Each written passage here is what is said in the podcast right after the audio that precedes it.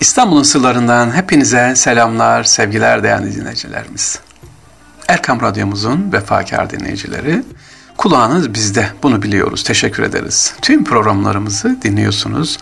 Program ekibimiz, arkadaşlarımız, yapımda bulunan efendim bu seslerin size aktarılmasına emeğe geçen kardeşlerimizden Allah razı olsun.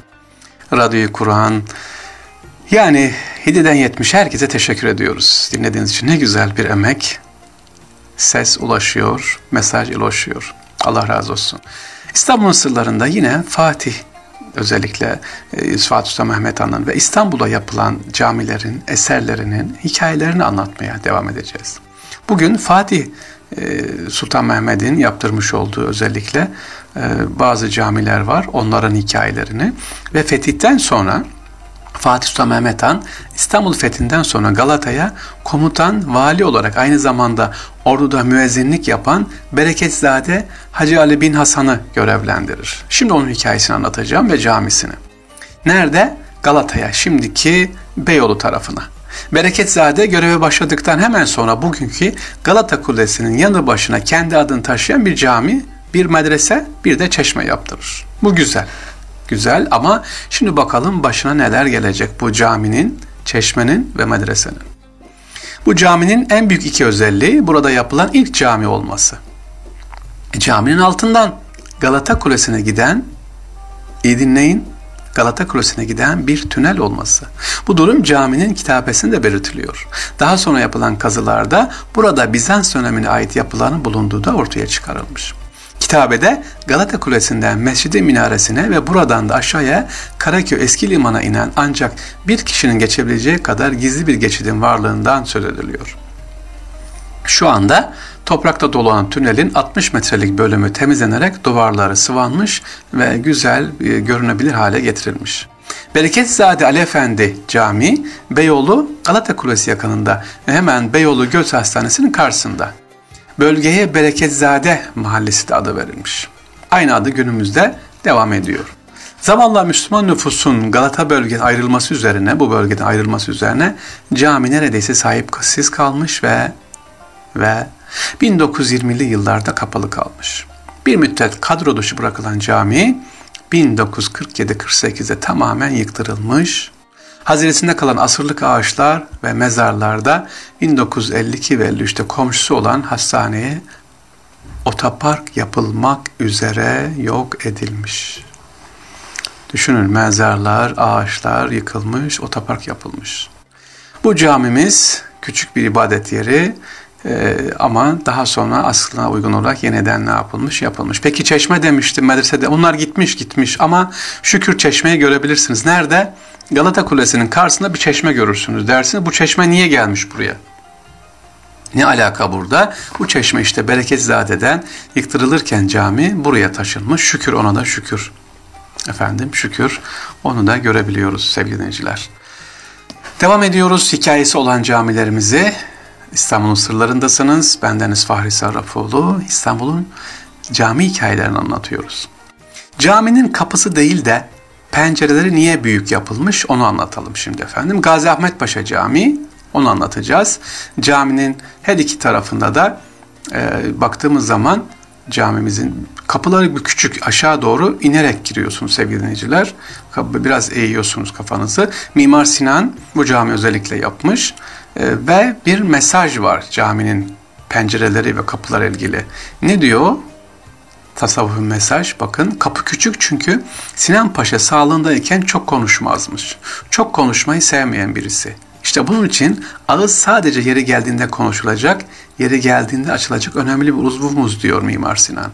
Dil dudak depreşmeden anlaşmak işin sırrı burada. Pencere ise kalptir diyor. Kalp gözü açık olan insan dünyaya değil, sadece tüm evrene bakar. Tüm dünyayı ayrım yapmadan kucaklar, yaratılanı sever, yaratandan ötürü diyor.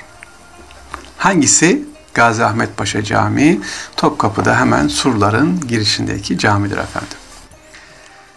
Devam edelim İstanbul'un sırlarında sevgili dinleyiciler. İstanbul'un en eski padişah camii acaba hangisiymiş ona bakıyoruz. İstanbul'un en eski padişah camisi Diyeceksiniz ki tabii ki Fatih Sultan Mehmet'in yaptırdığı Fatih Camii. Hayır, İstanbul'u fethettikten sonra yaptırmış olduğu Fatih Camii doğru ama ilk cami olarak biliniyor fakat depremde yıkıldığı için Fatih Camii yeniden yapılıyor. Fetihten sonra en eski padişah camisi Beyazıt semtinde bulunan Beyazıt Camii'dir. İkinci Beyazıt Camii'dir. Birer şerefeli iki taş minaresi olan caminin minareleri camiye değil, caminin iki yanındaki taphanelere, misafirhanelere bitişiktir. Ve ilginçtir, sadece İstanbul'da Beyazıt Camii, iki minare arasındaki mesafe 79 metre vardır. Yani çok uzaktır bu. Niye bu şekilde bir minare yapılmış? Türkiye'de ve İstanbul'da bu şekilde yapılmış olan başka cami yok. Çünkü Türklerin olduğu yani Müslümanların olduğu tarafa daha yakın mesafe minarenin bir tarafını kapalı çarşı tarafına yönlendirmişler onun için. Beyazıt Camii renkli taşlar ve küfü yazılarla bezeli minarelerden sağ tarafta olan özgün süslemelerini büyük ölçüde korur ama diğeri birkaç kez onarım geçirmiş. E, bezemelerin sadeliği ne yapmış yavaşça e, değişmiş.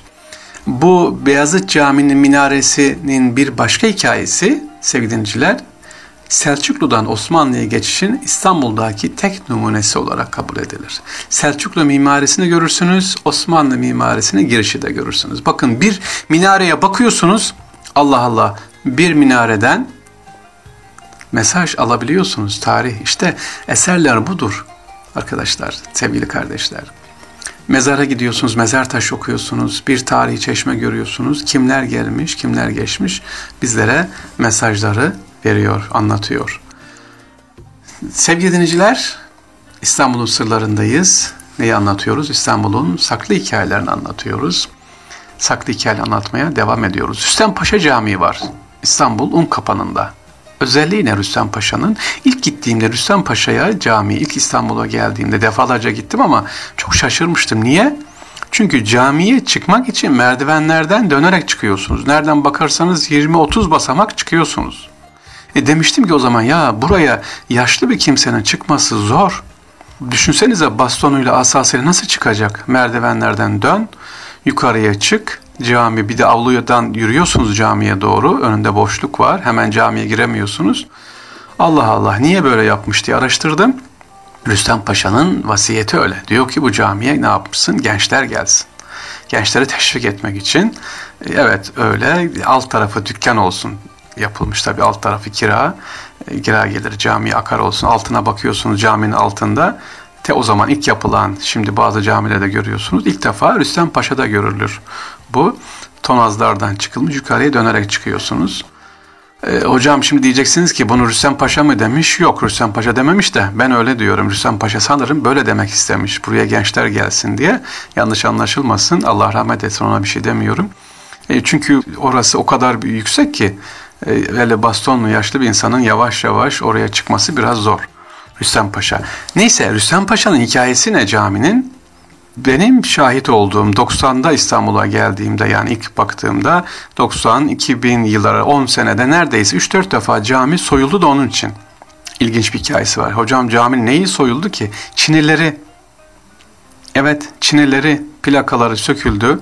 Birçok sefer hırsızlık oldu. Sonradan koruma altına alındı. Bir kısmı yurt dışına çıktı, bir kısmı getirildi. Çinileri çok meşhurdur değerli dinleyicilerimiz. Süstenpaşa Camii'nin.